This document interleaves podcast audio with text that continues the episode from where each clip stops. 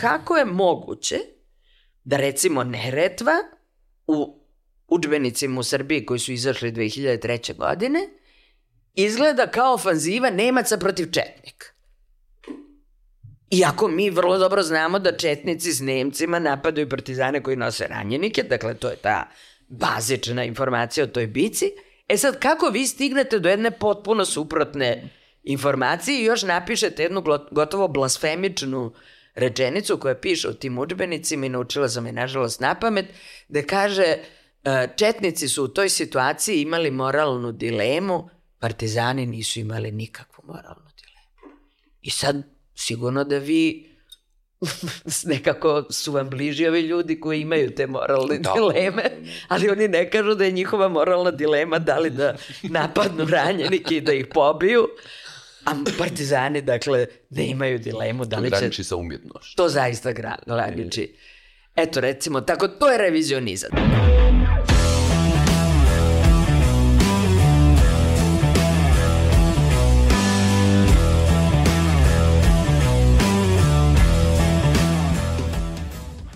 Srdačno vas pozdravljam, dobrodošli u novu sezonu, petu. Iako ste mislili da nećemo nastaviti, nastavljamo. A, nastavljamo hrabro kako smo i krenuli. Um, nastavljamo u ime djece, kako smo se zakljeli već i prvu a, sezonu. I um, ovaj serijal otvaramo sa onako ugodnim, leprševim, a, septembarskim a, temama, ideologijom, historijom, a, sokratovskim pitanjima ko je počeo rat uh, i tako dalje. Naša današnja gošća uh, je tu, uvažena profesorka, aktivistkinja Dubravka Stojanović od srca. Dobrodošli u Sarajevo i dobrodošli u naš mali studio Beseda obrazova. Hvala vam puno na ovom pozivu. Hvala Damiru Tizdareviću koji nas je povezao. Otvaramo ovaj prostor i baš sam sretna ovde. Um, vaša pretpostavka, onako laički, a bez empirije, koju vrstu posljedica mi posle ovog gostovanja možemo snositi? Najteže, nadam se. Najte, najteže, nadam se. A, za vas koji ne znate, a mislim da vas malo a, ne zna, profesorca Dubravka Stojanović, istoričarka, a, da budem korektan, historičarka i povjesničarka, a, magistrirala 92. tačno kad sam imao dvije godine, doktorirala dvije i prve na evropskim demokratskim uzorima kod srpske političke i intelektualne elite. Volim ove marksističke termine što, što ne date da izumru. Um, od 88. do 96. radi u Institut za noviju istoriju Srbije i kada ovo pročitam odmah se sjetim o, vašeg teksta o latinki um, i to me rastuži. A 2016. postajete redovna profesorka na katedri za opštu savremenu historiju. A, u suradnji sa Centrom za antiratne akcije 93. radite na projektu analize učbenika, tu ćemo se posebno zadržati. Um, sa Milanom Ristovićem pišete i uređujete školske dodatne nastavne materijale detinstvo u prošlosti. A, napisali ste mnogo, dobitnica ste mnogih priznanja i ne znam što da vam kažem, imam apsolutno tremu, tako da ćete mi A, ja ću se praviti ovaj put da slušam, imam neki okvir pitanja, od vas očekujem da nas poučite. A prije svega, što ste u Sarajevu? Ovde sam na History Festu, evo, drago mi je da ste me to pitali, rekla bih i da niste, e, koji organizuje moj dragi kolega Husnija Kamberović, Filozofskog fakulteta, ovo je već sedma godina, I pošto je to Husnija, pošto je to Sarajevo, onda tu zaista dođu svi, dođu svi istoričari iz Evrope, iz Amerike koji se bave ovim delom sveta, dođemo svi mi iz bivše Jugoslavije i čitavog regiona Balkana, to je neka vrsta obaveze i drage dužnosti, zna se, jun je History Fest, to danima traje i evo sutra idemo u Titov bunker i odatle Dobro. idemo na Neretu jer je ove godine 80 godina bitke. me je u velikoj meri posvećen History Fest i eto to je da stvarno pra... nije samo festival, nego je stvarno praznik istoričar. A je li to kao neka patetična veza za Sarajevom, neko ritualno pranje u vezi Sarajeva ili... Ne, pranja nema, bude... pranja tu nema i ne treba da i ne sme da ga bude. E, ali jeste svake godine iznova otvaranje pitanja šta se desilo, zašto se desilo, koje su ti dubinski neki slojevi koji su površni i tako dalje. Dakle, razmišlja se i svake godine ono što je vrlo važno, dovedemo nove doktorante ovde, imamo svakog dana pre podne doktorsku radionicu, znači tu je sad već sedam generacija doktoranata od Slovenije do Makedonije prošlo koji pišu svoje referate i ovde ih izlažu, kasnije se i objave i vrlo nam je važno da oni prvi put dođu u Sarajevo, upoznaju druge kolege, mislim da smo napravili već ozbiljnu mrežu otpora. Znači doktorant predavate u školi? Pa negde će predavati sigurno od škole, pa instituta, negde će biti. Mogu li lični dojam? Um, mislim, nisam, nisam vam ne sačekao odgovor. A, sa namjerom čitam sad seriju tekstova da se pripremimo za vas i za vaše gostovanje. I jedan od tekstova na koji smo naišli na Peščaniku je bio vezan za, za Dejtonski mirovni sporazum. Ima li još i jedan koncept da je ostao nedorečen? Jesmo sve izgovorili u vezi ovog strahobalnog rata protiv Bosne i Hercegovine? Ja mislim da ništa nismo izgovorili. I to je jedan ogroman problem, jer ovo je jedna velika lekcija za istoričare. Znači, rat u Bosni i Hercegovini i u Hrvatskoj, to su najbolji istraženi ratovi do sada zahvaljujući Haškom tribunalu. Znači, Haški tribunal je dobio dokumente koji su državna tajna i ti dokumenti su digitalizovani, nalaze se u arhivu, dostupni svim građanima, lako pretraživi, svi mogu da ih prečitaju. Donete su presude, sudski su utvrđeni činjenice, sudski je utvrđeno šta se desilo i to ništa nije promenilo. Dakle, uh, mi znamo sve činjenice, sve je izgovoreno, a ništa nije rečeno.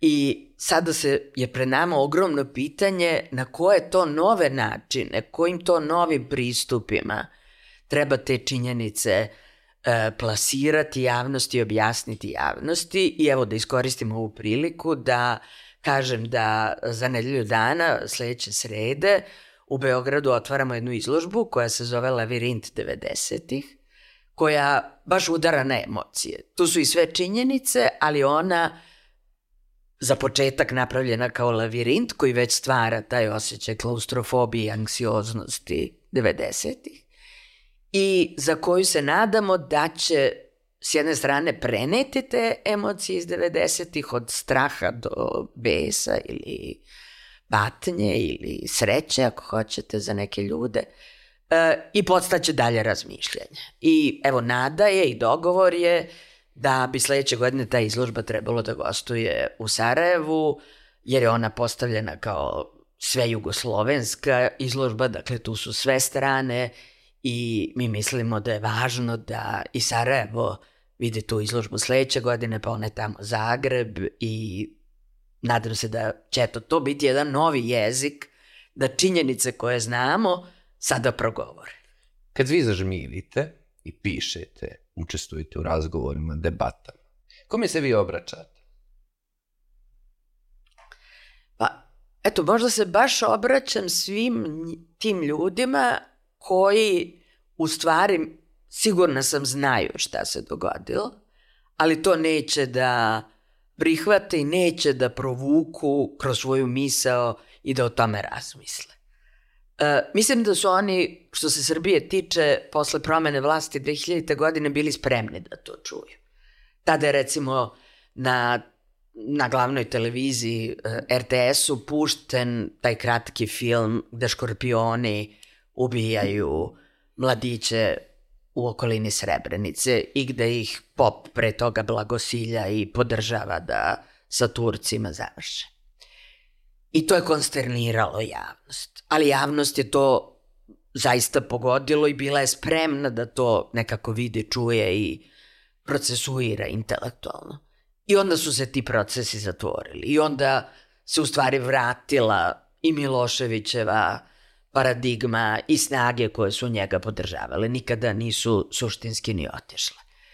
Tako da se pre svega njima obraćam u pokušaju da, da, da se probudi to što su se potrudili da se ne probudi. Eto, Jer i 90-ih se znalo šta se dešava. Novine su ipak to donosile.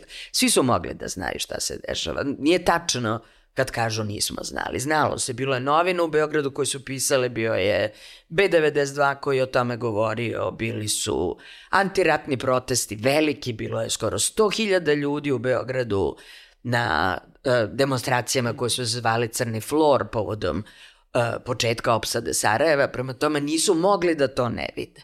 E sad, kako su to uspeli da zaborave? Svima tima koji su zaboravili se obraća. Sad ovo spitam zbog, zbog sebe, jer kad čitam vaše tekstove, negde su mi pomješane emocije između kome ili, evo, možda je to i meni jasno, I kao da smo, da, da, da se ponavljamo, kao da su naši kružaci sve manji, kao da ti glasova, evo, kako odlaze još a, neki od hrabrih, mislim da mi je važno da ovo kažem hrabri, zato što ovim kojima vi pričate i negde podlačite taj oportunizam, neki koji su odustali i tako dalje. Onda me rastuži s druge strane da, da, da je takvi glasova nešto sve manje. I znam da, da, da evo možda i moje pitanje bilo ma, malo neumjesno kome, kome se obraćam, ali više iz očaja, jer, jer a, ja kroz svojih, o, svoj život u Bosni i Hercegovini vidim tu a, jedan, jedan prelijepi period posle ratni u kojem se osjećala ta nada neka, um, ideja drugog, drugačijeg, da može i onda snažna regresija koju osjećam iz dana u dan i to me, to me, to me strašno boli. Nije pitanje, konstatacija. Pa da, ne, potpuno ste u pravu, to smo mi doživeli možda još na brutalniji način, jer je naša nada 2000-te bila možda još veća i izgledalo je sa Đinđićevom vladom da će to zaista biti drugčije za svega dve i po, godine, dve i po godine kasnije oni ubijeni, bilo je jasno ko stoji iza toga i da ti ljudi koji stoje iza tog ubistva neće dozvoliti da se ništa bitno promeni. Ali e, ne bi bila pesimista zato što radim s mladim ljudima, imamo sada na, na našoj katedri oko 25 doktoranata briljantnih, e, Držali smo jednu školu dok je bila korona, pa smo je držali na Zoomu, suočavanje sa 90-ima, tri nedelje na Zoomu, jer možete zamisliti šta to znači, od 9 ujutru do 5 popodne na Zoomu je njih 25 sedelo, to je najuzbudljiviji moj profesionalni događaj, jer smo krenuli od najtežih tema, od ono raskopavanja sekundarnih i tercijalnih grobnica, pa smo išli sve do umetničkih obrada tih filmova, do književnosti, do, do filma, do televizijskih serija i tako dalje, pokušavajući da im pokažemo kako kako sve to živi danas u, u javnosti i to je stvarno toliko bilo uzbudljivo da, da ste vi gledali te mlade ljude na Zoomu koji plaču. I to je bio moj prvi susret sa tim kako mlada generacija doživljava 90. I evo sada dve godine kasnije dok radimo na ovoj izložbi, mi smo imali razne pripreme, Recimo, držali smo kviz o 90-ima da bismo privukli upravo tu najmlađu generaciju. Prijavilo se 19 timova sa po šestoro učesnika. To se ne dešava ni za najpopularnije kvizove u gradu, recimo. I e, mislim da raste sad jedno e, novo interesovanje e, kod tih 20-godišnjaka, da kažem, jer osjećaju koliko te 90. im ne daju da, da se pomaknu, A oni lično s tim nemaju nikakve veze. Rođeni su posle 2000. Te, I mislim da s tom generacijom treba Zakašnjala 68. Tako je. Um, kad gledamo podatke, ima, ima nekoliko vrlo reliabilnih koji govore o socijalnoj distanci, socijalnoj koheziji u Bosni i Hercegovini. Um, kod generacije koje nisu imali primarno iskustvo direktnog nasilja rata kao, kao, kao takvog, nevjerojatno postoji ozbiljna socijalna distanca. I nedavno, a, nedavno, šta je to više, u ovom konstantnom strahu nema više ni ošćaje šta je nedavno. Zato bilo je pitanje da li ste, a, da li biste spremni a, oružano braniti šta god. Dobar dio mladih je odgovorio sad da, a nema primarno iskustvo, nego ovo indoktrinirano, sekundarno, ovaj, negativni mir. Jel vas to plaši? Ovo je barem za Bosnu i Hercegovinu podatak. Pa, plaši me, ali me ne iznenađuje. E, jer, kao što ste sami rekli, ja e, silom prisile te udžbenike istorije analiziram već 30 godina i sad pišem jednu knjigu čija će prva rečenica biti neću nikada više analizirati udžbenike istorije. Zarad vlastitog zdravlja. više stvarno ne mogu. Šalim se. Ali uh, već ti udžbenici koji su izašli 93. u Srbiji su nešto što sam ja već tada nazvala predvojnička obuka. Dakle, istorija tu nema obrazovni smisao. Istorija nije predstavljena kao nauka u kojoj treba nešto dokazati da biste taj stav izneli. Ona je predstavljena kao priprema za sledeći rat. I posle sam sa mojim kolegama uh, sa čitavog Balkana radila komparativna istraživanja svih udžbenika od Slovenije do Grčke, Turske i Kipra. I isti je zaključak bio. Dakle, svi se spremaju za budući rat. Svi prenose stereotipe, svi imaju čak i direktan govor mržnje protiv susednih naroda. Svi manipulišu prošlošću, svi od sebe prave najveću žrtvu i najvećeg heroja istovremeno. E, svi su najveći pobednici, svi su istorijski pravednici. Dakle, jedna identitetska šema potpuno jednaka svuda. Nažalost, evropske zemlje nisu shvatile tu opasnost sve do nedavno i nisu radile te vrste studija i tek sada je u Briselu napravljena jedna observa, observatorija za istoriju gde su počeli da rade ovakve analize učbenika i da se oni hvataju za glavu. Mi smo se uhvatili za glavu već 93. i ti mladi ljudi o kojima govorite rezultat su tih učbenika. E, u Bosni, u Hrvatskoj, u Srbiji, u čitavom regionu. A tragedije koje su se dogodile u Beogradu u osnovnoj školi ili u Mladenovcu sa ubijanjem tih, e, te dece i tih mladih ljudi u Mladenovcu su po mom mišljenju direktno vezane za to društvo nasilja u kome smo mi sistematski vaspitavani i to ne 30 godina, što se Srbije tiče 40 godina. Dakle, od prvih demonstracija na Kosovu 81. godine je krenula ta indoktrinacija i ta priprema za konačno nasilje. Tako da, uh, ako se čudimo, onda smo saučesnici svega toga. Ako se čudimo, onda smo saučesnici. Um, ajde vi nama um, pokušajte objasniti koncept istorijskog revizionizma. Um, optužuju učbenike, kreatore učbenika, posebno u Bosni i Hercegovini, da im je to modus operandi. A da vi nama objasnite šta iz naučne perspektive znači historijski revizionizam.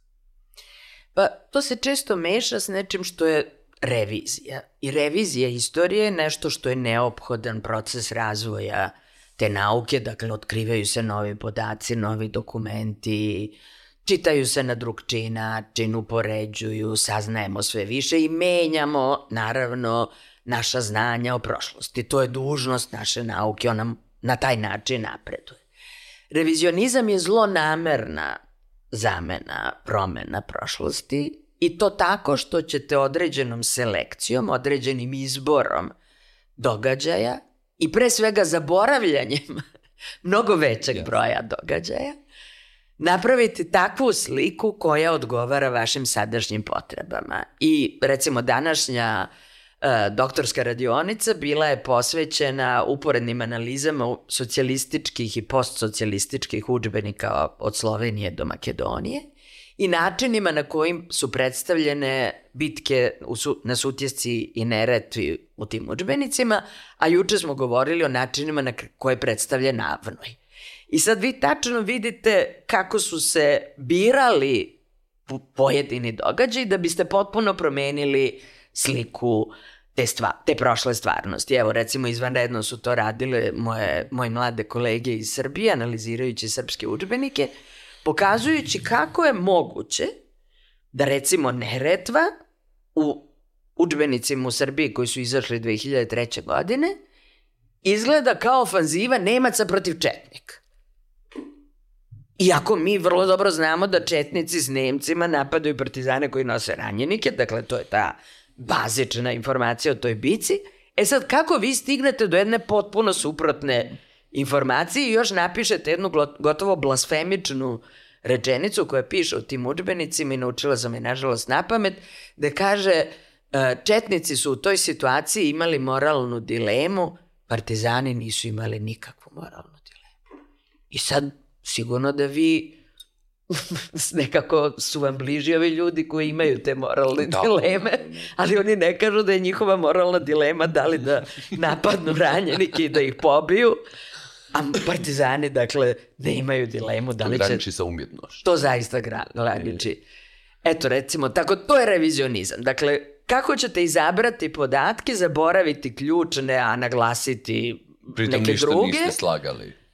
Često ništa ni ne morate da slažete. Neki put i slažete, ali ne morate. Dakle, samo tim izborom vi možete potpuno da promenite stvarnost ili recimo kao u hrvatskim ili crnogorskim udžbenicima, to, to smo isto sada saznali, da te bitke budu svedene na jednu rečenicu, dakle budu potpuno nevažne. Eto, možete i to. I to je neka vrsta revizionizma, dakle vi ste dve bitke koje su ne samo tragične, nego su preokrenule taj rat, dovele do pobede partizana, dakle to je na nivou Stalingrada ili Midveja, što se tiče našeg ratišta. Jedna rečenica, to bilo, desilo se.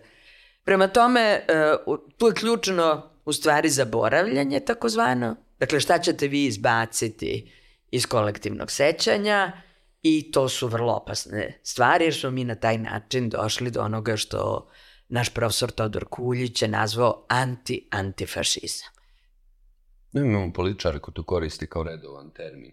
A kako to prođe pored vaših kolega i kolegica? Ima li tog vriska, ima li? Što nije tako? Pa nema dovoljnog vriska. Mislim, vrišti nas nekoliko.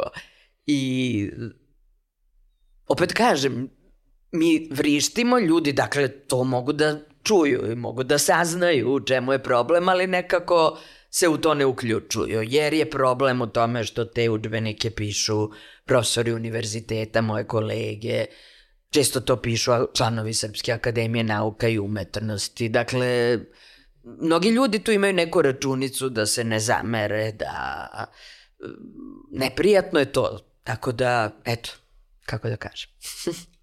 Znam.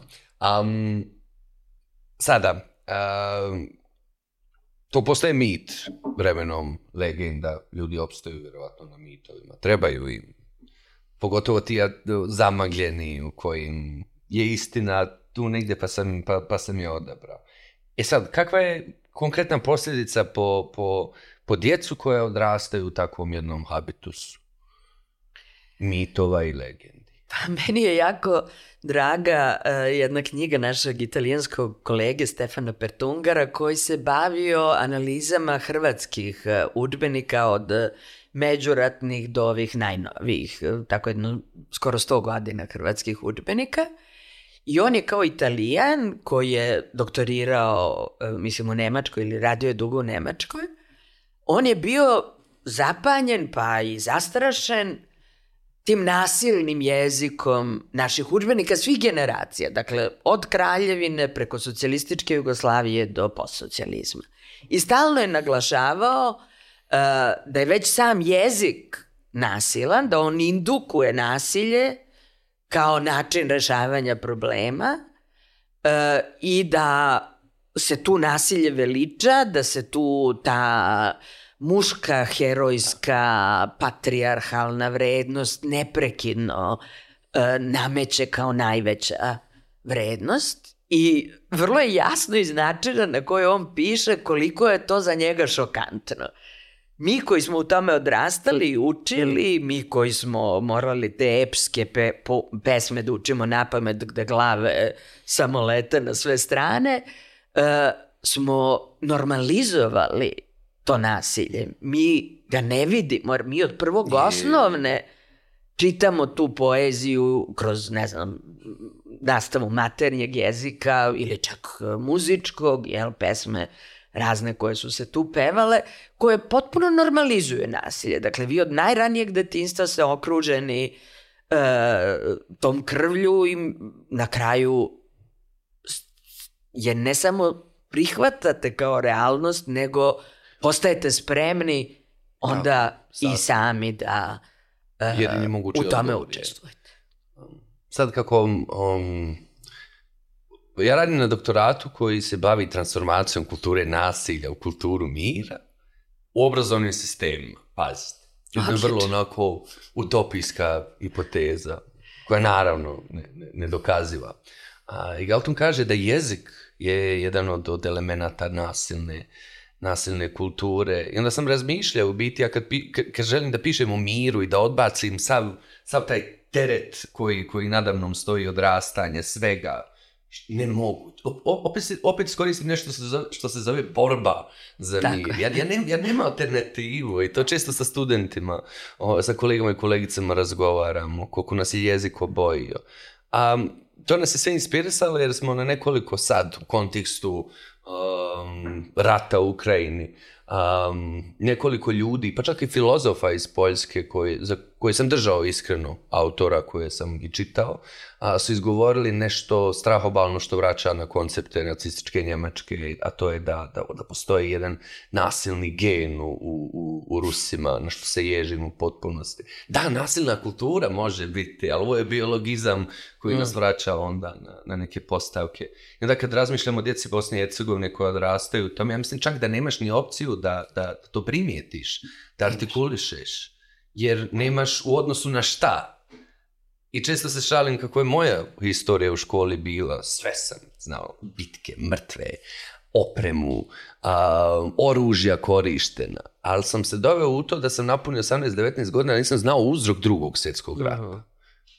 A da vam ne govorim prvog svjetskog rata. Sve drugo sam znao, ali ono što je najvažnije, zašto je nešto počelo, ja, ja, ja to nisam mogao dokučiti.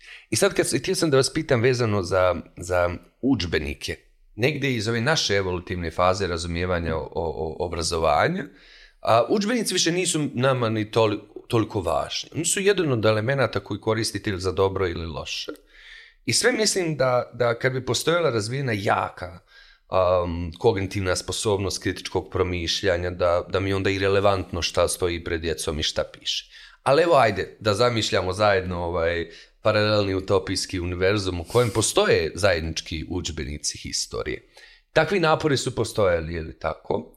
A, I kad su se oni dešavali, da li, da li postojala misao da, da takav zajednički jedan udžbenik koji se bori protiv stavova, uvjerenja, a, nastavnika sa traumama, zaista može nešto promijeniti. Evo to me baš interesuje, onako potpuno iskreno da, mi odgovorite? Pa, prvo da kažem za učbenike, uh, ovo što ste vi sad rekli, to čujem vrlo često i to je tačno. Dakle, evo, najbolji dokaz je da smo u Jugoslaviji 40 godina vaspitavani na učbenicima koji su pronosili bratstvo i jedinstvo i da to nije ostavilo zapravo nikakvog traga jer smo na kraju se dohvatili za guše i kao da nikada nismo tu istoriju učili.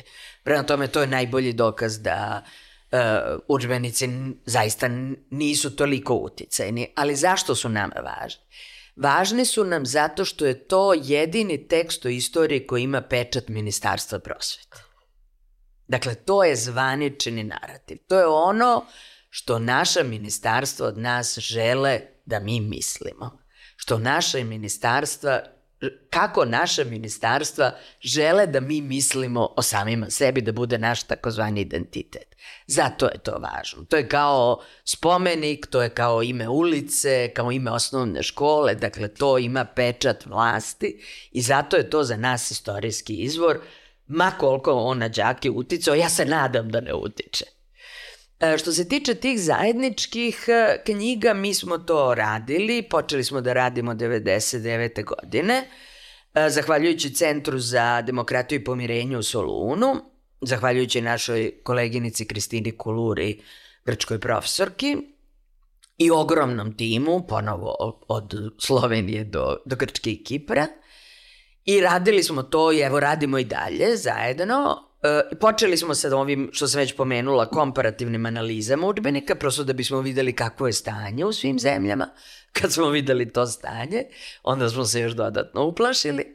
I onda smo napravili te zajedničke knjige, objavili smo šest knjiga, e, naši gledalci mogu da ih nađu na uh, sajtu koji se zove Joint History Project, zajednički istorijski projekat. E, sve se mogu downloadovati na svim jezicima. I prve četiri knjige su izašle 2005. Su najčitanije trenutno. ne, prve četiri knjige su, uh, izabrali smo najteže, najkontroverznije teme. Uh, prva knjiga je Osmansko carstvo, jer je to zaista ključna tema Nemojte za ceo region. to. Apsolutno, to, to nam je, Kameno doba, bla, bla, bla, bla, Turci. To je ključno za sve. Možemo posle o tome da razgovaramo zašto i kako, ali uh, to je zaista najvažnije za samoidentifikaciju svih balkanskih naroda, uključujući i Turke, ali i sve druge. E, Druga knjiga je nastanak nacionalnih država, počevši od prvih ustanaka 19. veku do države stvaranja nezavisne države Kosovo sa svim pitanjima priznanja i nepriznavanja. Treća knjiga su Balkanski ratovi, četvrta je drugi svetski rat. To su knjige koje su izašle 2005. a 2015. i 16. godine su izašle knjige e, mnogo obimnije, posvećene hladnom ratu i ratovima 90-ih. Dakle, mi smo i ratove 90-ih, sve je lagano, e, uradili po tim metodama. Koji su to metodi? Dakle, to, su, to je na prvo mesto multiperspektivnost. E, Mi donosimo tu istorijske izvore, naša koleginica iz Zagreba Snježana Koren je pis, pisala pis, e, pitanja e, koja onda upućuju nastavnike i đake kako porediti te izvore. I to su izvori različitih strana, različitih perspektiva o istom događaju koji pokazuju kako se može različito misliti i koji otvaraju, što je nama najvažnije, otvaraju debatu o prošlosti. Jer svi ovi udžbenici, dakle ne samo što su revizionistički, što zaboravljaju najvažnije delove i tako dalje, nego što zatvaraju svaku debatu. Dakle, oni su temelj svake diktature, ne samo budućeg rata, nego i svakog autoritarnog poredka i suština autoritarnog društva. Počevši od jezika. Dakle, tu je jezik apodiktičan. Evo recimo jedna rečenica u srpskim udžbenicima. Prvi balkanski rat je bio oslobodilački, tačka. Drugi je bio bratoubilački, tačka. Ni jedno ni drugo nije tačka. I ni jedno ni drugo nije tako jednostavno. Ali ta vrsta jezika je nešto što će se onda preneti na vašeg predsednika koji će isto tako govoriti i na taj način će reprodukovati taj pojednostavljeni način crno-belog mišljenja i dalje odgajati narod koji želi tako da misli sa da, ne, plus, minus i tako dalje. E, dakle, ta multiperspektivnost je nešto što otvara debatu, što pokazuje koliko je prošlost kompleks, komplikovana, pa samim tim i sadašnjost kompleksna. Ti udžbenici su komparativni, dakle, ako pokazuju nečije žrtve, pokazat će i žrtve druge strane, pa ćemo otvoriti priču o žrtvama i da li su one sve iste i da li je ista žrtva agresora i žrtva žrtva napadnutog. Dakle, čitav niz vrlo važnih i osetljivih tema i e, mi mislimo da je to put. I do sada evo u regionu preko 2000 nastavnika prošlo kroz naše seminare. Te seminare smo držali i u Vukovaru, i u Mostaru, i svuda u Bosni, i na Kosovu, i u južnoj Srbiji, dakle na svim spornim mestima smo ih držali upravo da bi se našli. Sporno. Pa sve je sporno, ali ima, ima spornijih i najspornijih. A, je vam nešto ostavilo traga sa, sa, sa trenzima, sa nastavnicima? Ostaje da se ti- nadamo da jeste. Jer nama uvijek ostaje to šta sad kad zatvori vrata učionice. Znam. E, pogotovo sa ljudima koji su imali evo, neka direktna iskustva. Imali su žrtve u vlastitoj porodici, obitelji i tako dalje. Samo treba ogromna i hrabrost kod nastavnika da, da, da to rade. I stalno to podcrtavamo. A nastavnički poziv jeste hrabri poziv. On, on, on, on, on- to je sastavni dio njegov. Ne može nikako drugačije biti. Onda niste nastavnik, onda ste... a, kako se- Veštačka inteligencija. Veštačka inteligencija ili kako se zvali oni ljudi koji su agitovali po, po, po, po selima, išli, po, dijeli pamflete i govorili. A, jer bez toga, bez tog jakog, hrabrog, kritičkog, a, refleksivnog, ja mislim da nastavnik ne može ni, ni postojati. A sad me ovo interesuje, i, i mi često dolazimo istu um, dilemu, a, dokle više debate o, o, o prošlosti, jer debata nužno proizvodi pa ne, ne, ne nužno tačno mišljenje, ako mišljenje može biti tačno.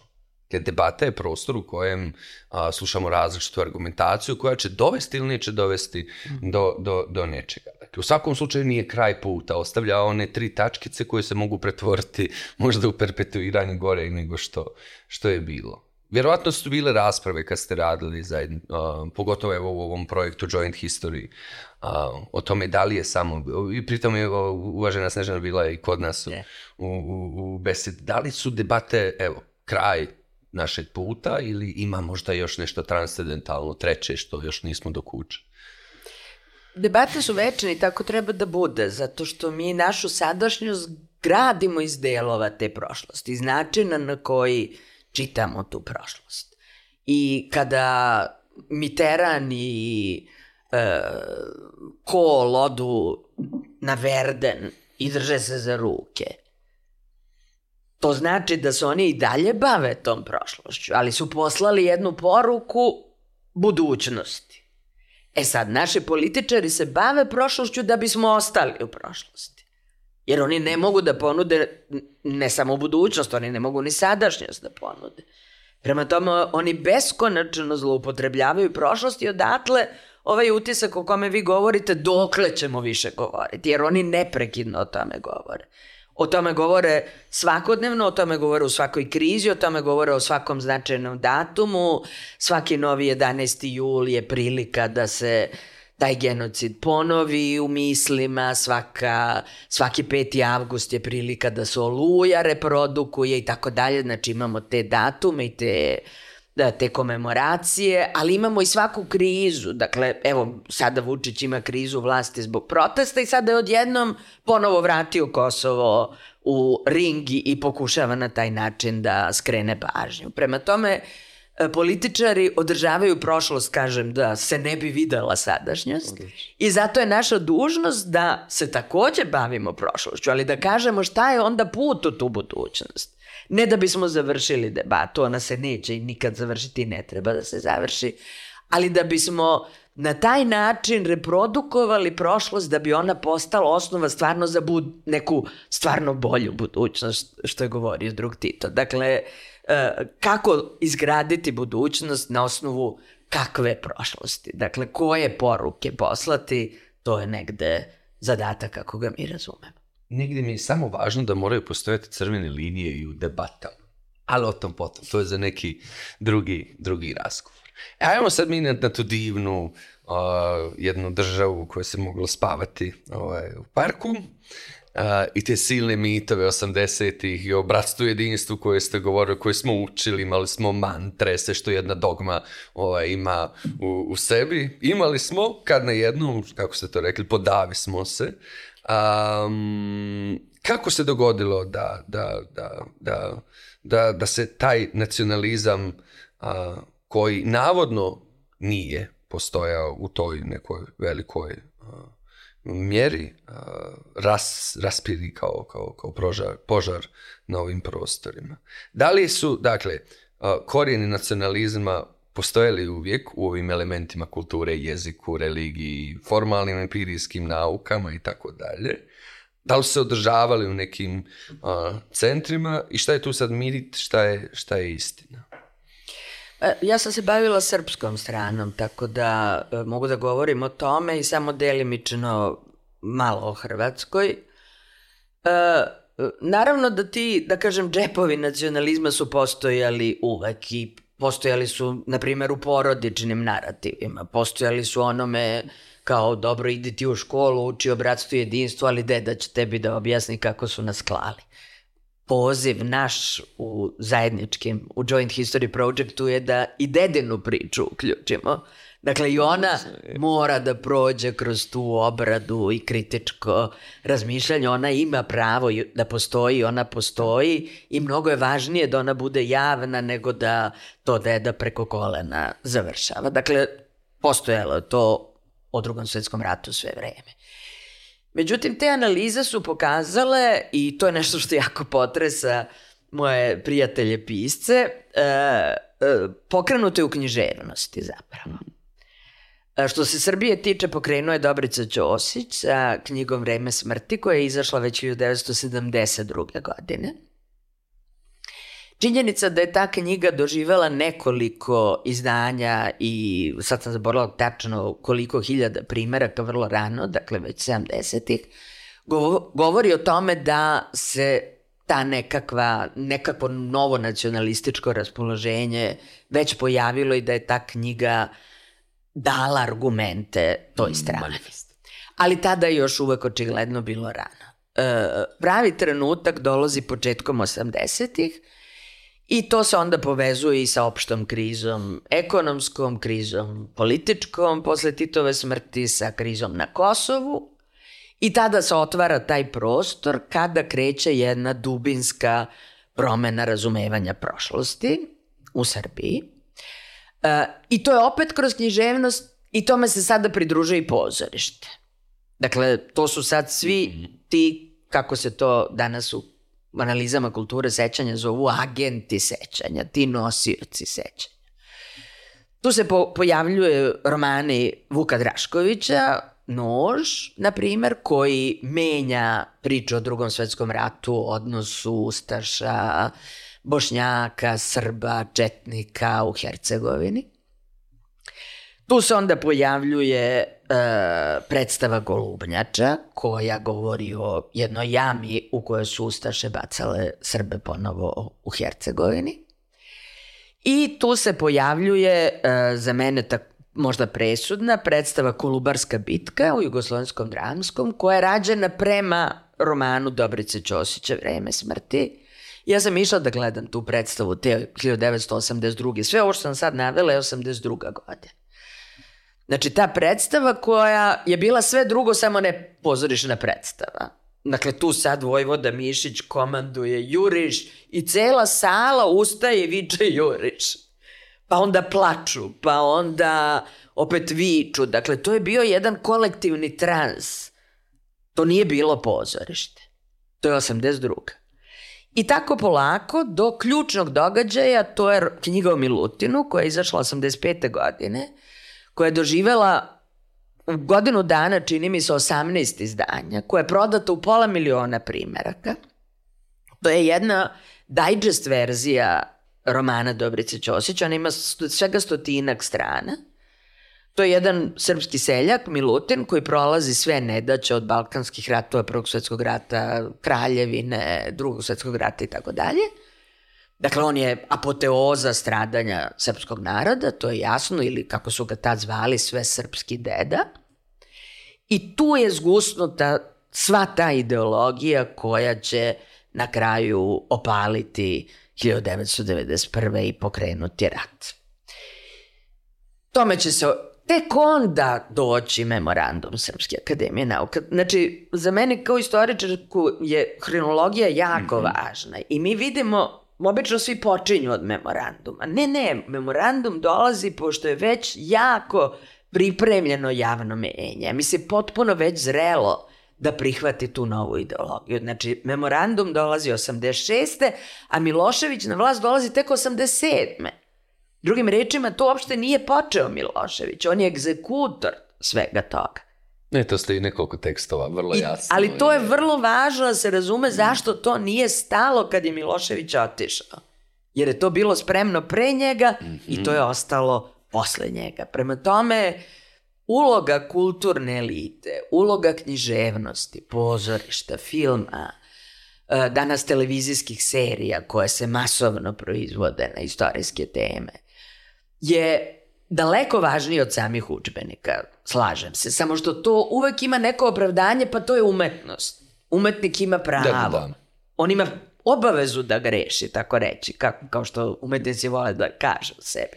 Ali su posledice porazne. I evo, e, ja mnogo sarađujem sa književnim festivalom Krokodil, koji se sad sprema sledeće nelje u Beogradu i mi smo sad baš predložili jedan naš novi projekat koji se zove Pop History, gde, će se, gde ćemo se baš baviti istorijom i popularnom kulturom i zločudnom ulogom a, e, te simpatične, veseli, šarmantne, popularne kulture u a, e, raspirivanju svih tih pojava. Što bi Galtung opet rekao, jako ga volim.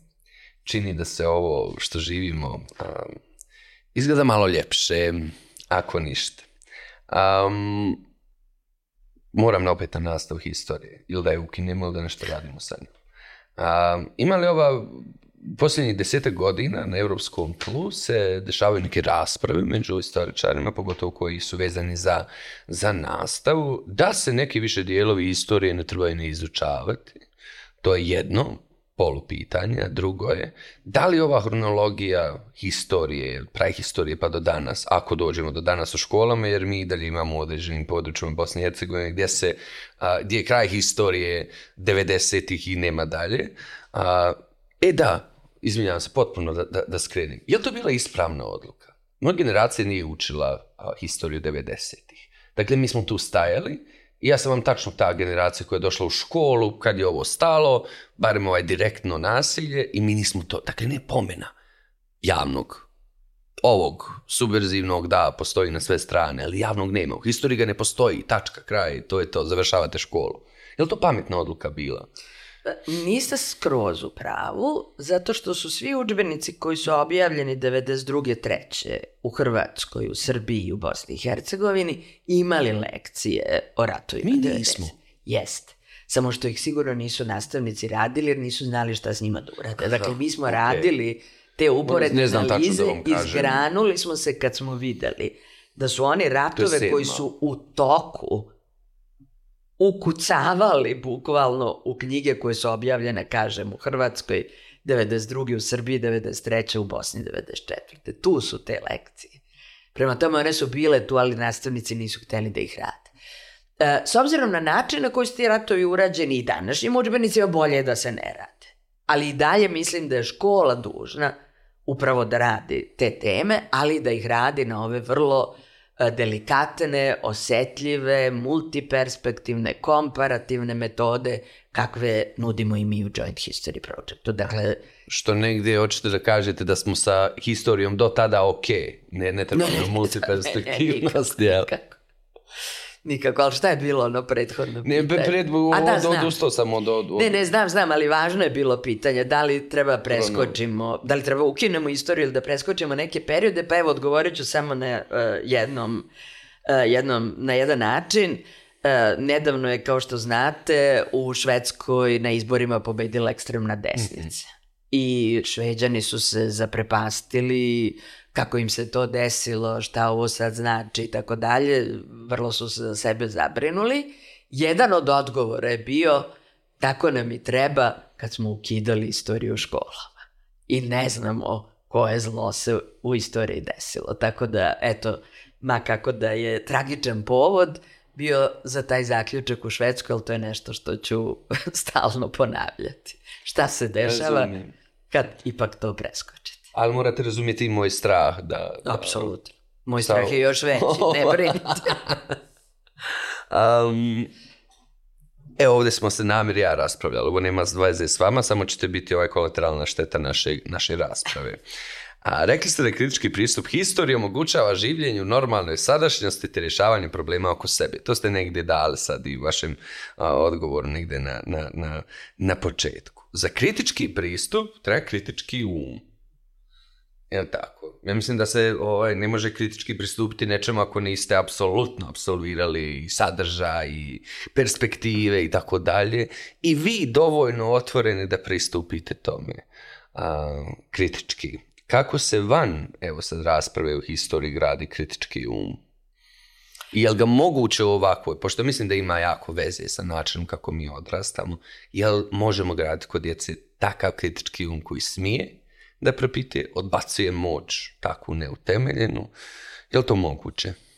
Naravno da je moguće i razvijeni obrazovni sistemi su to odavno uradili.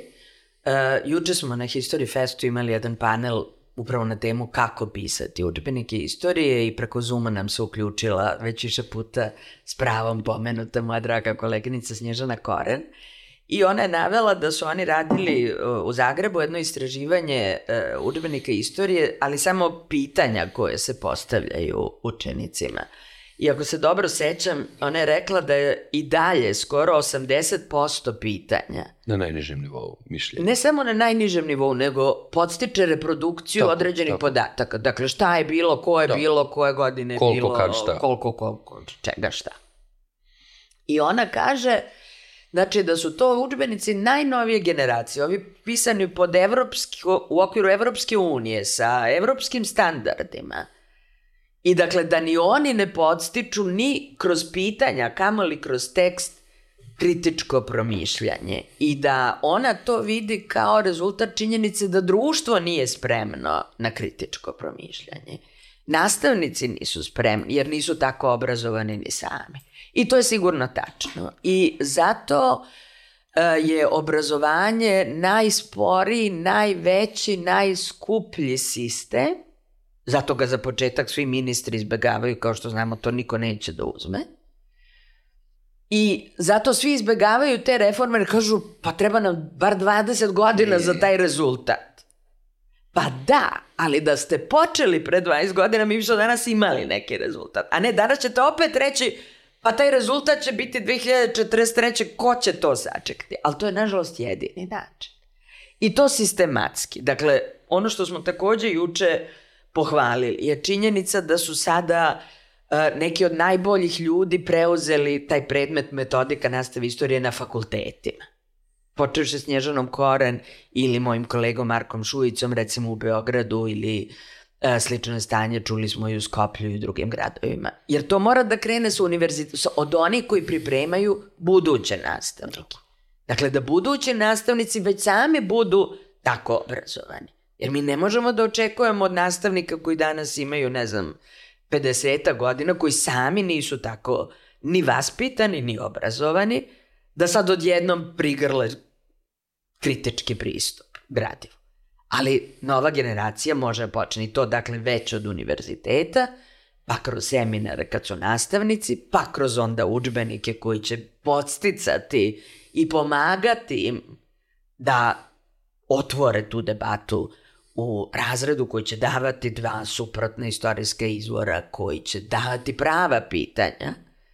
Znači, to je sve vrlo složeno, mi vrlo dobro znamo šta treba uraditi. Dakle, ne kažem složeno, pa onda ništa dižemo ruke. Ne, to je složeno, mi znamo kako, znamo gde početi i počeli smo, bar na univerzitetu. E sada je dalje stvar, naravno, i ministarstava i vlasti da I nastavnika. ali ministarstva i vlasti da podstaknu nastavnike kroz različite metode, počevši od boljeg plata do vrednovanja seminara koje bi oni prolazili. Ja bih volio da je obrnut. Mislim, ne bi da ulazim u neku du, du, dublju raspravu, ali ja očekujem od jednog kritičkog pedagoga koji je to po prirodi, da te stvari pokrene. Tvoj posao nije samo da ispredaješ, on je mnogo veći sa mnogo većim zadatkom.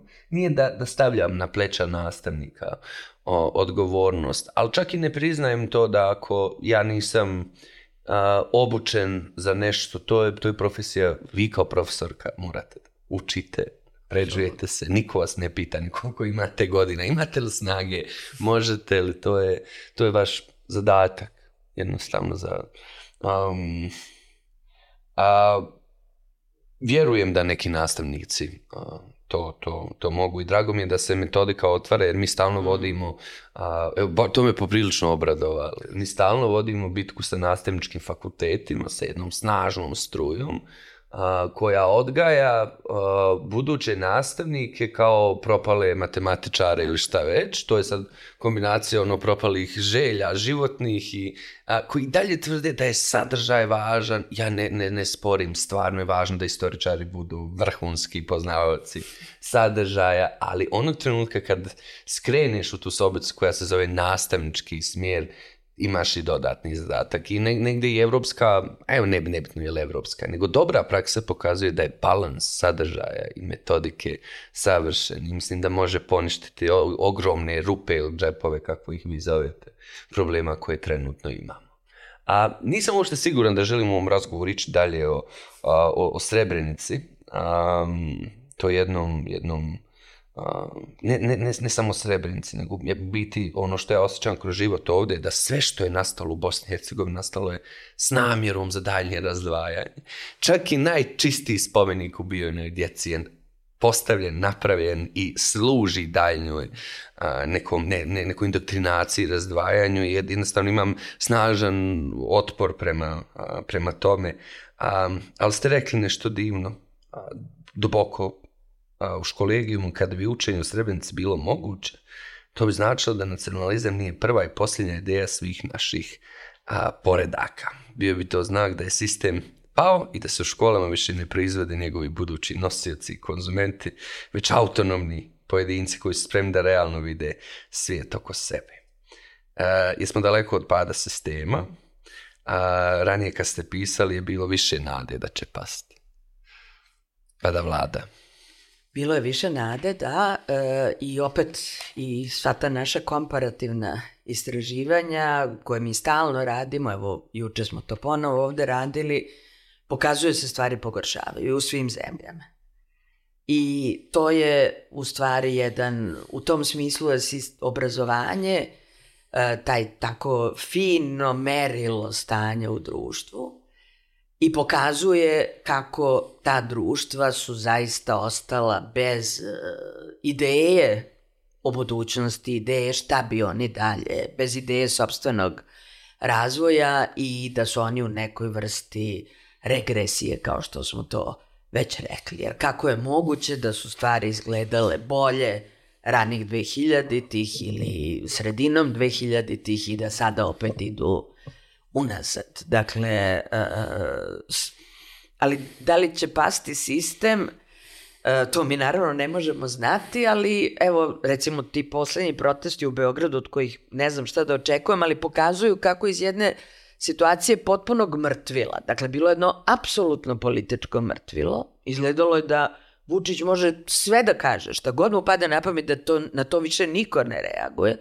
da se više niko čak ni ne smeje. I odjednom su te tragedije koje su se desile bile uh, okidač koji je pokazao da ljudi ipak misle i da ljudi ipak uh, imaju još uvek snage da se pobune. Tako da, eto, naše iskustva govore da to može da se desi čak e, sasvim neočekivano i čak brzo, tako da ostaje da verujemo. Opet su djeca bila pokretač. Taj strahovalni događaj, koji je opet na vidjelo izbacio nešto što da se, da se čovjek smrzne. Kad smo čitali komentare tih dana, kad je, mislim, umro jedan dio u nama svima, um, opet se vidi ta strašna mržnja, radost što se to tamo nekom, nekom desilo. A, mi ovu priliku smatramo da, da, da je možda moment da, da, da, da se škola promisli na jedan potpuno drugačiji način. Rastko Moćnik je, je bio u besedi i govori da, da univerzitet, škola i obrazovanje kako poznajemo potpuno pa se da, da više nema nikakvog smisla, ni jednog argumenta koji mu može vratiti smisao. A kad se ovako nešto desi, namjer ja smo snimili zadnju besedu i stvarno smo mislili da bude zadnja i nazvali škola ubija. I neki su nam zamjerili. Ja znam da je tu jako mnogo elemenata koji, koji, koji utiču, ali ovakva škola sa, sa kompetitivizmom, sa, sa nekim nerealnim očekivanjima, sa ljudima koji kao nešto idu u školu, kao nešto predaju, kao ne da je izgubila smisla, nego sad stvarne posljedice takve, takve škole mi možemo vidjeti. Ono što mi se sviđa kod vas, vi vraćate da, da ok, nije škola jedina, nije udžbenik jedini, nije historija jedina, ali možda ovo je jedan romantični trenutak da, da je promislimo na novo. Šta vi mislite u kojem smjeru će to evo, u Srbiji da ode? Kod nas je ova sekuratizacija pobjedila, bezbjednjaci su pobjedili, navijamo da, da, da imamo policajce, da učitelje obučavamo kako da rukuju oružjem, da imamo pomoćnike direktora koji su bezbjednjaci. Sve ono što biti takav jedan događaj, mislim da, da u nekom morbidnom univerzumu, ne, ne, nismo to htjeli, htjeli smo nešto drugo. Šta vi mislite u kojem će na kraju smjeru otići?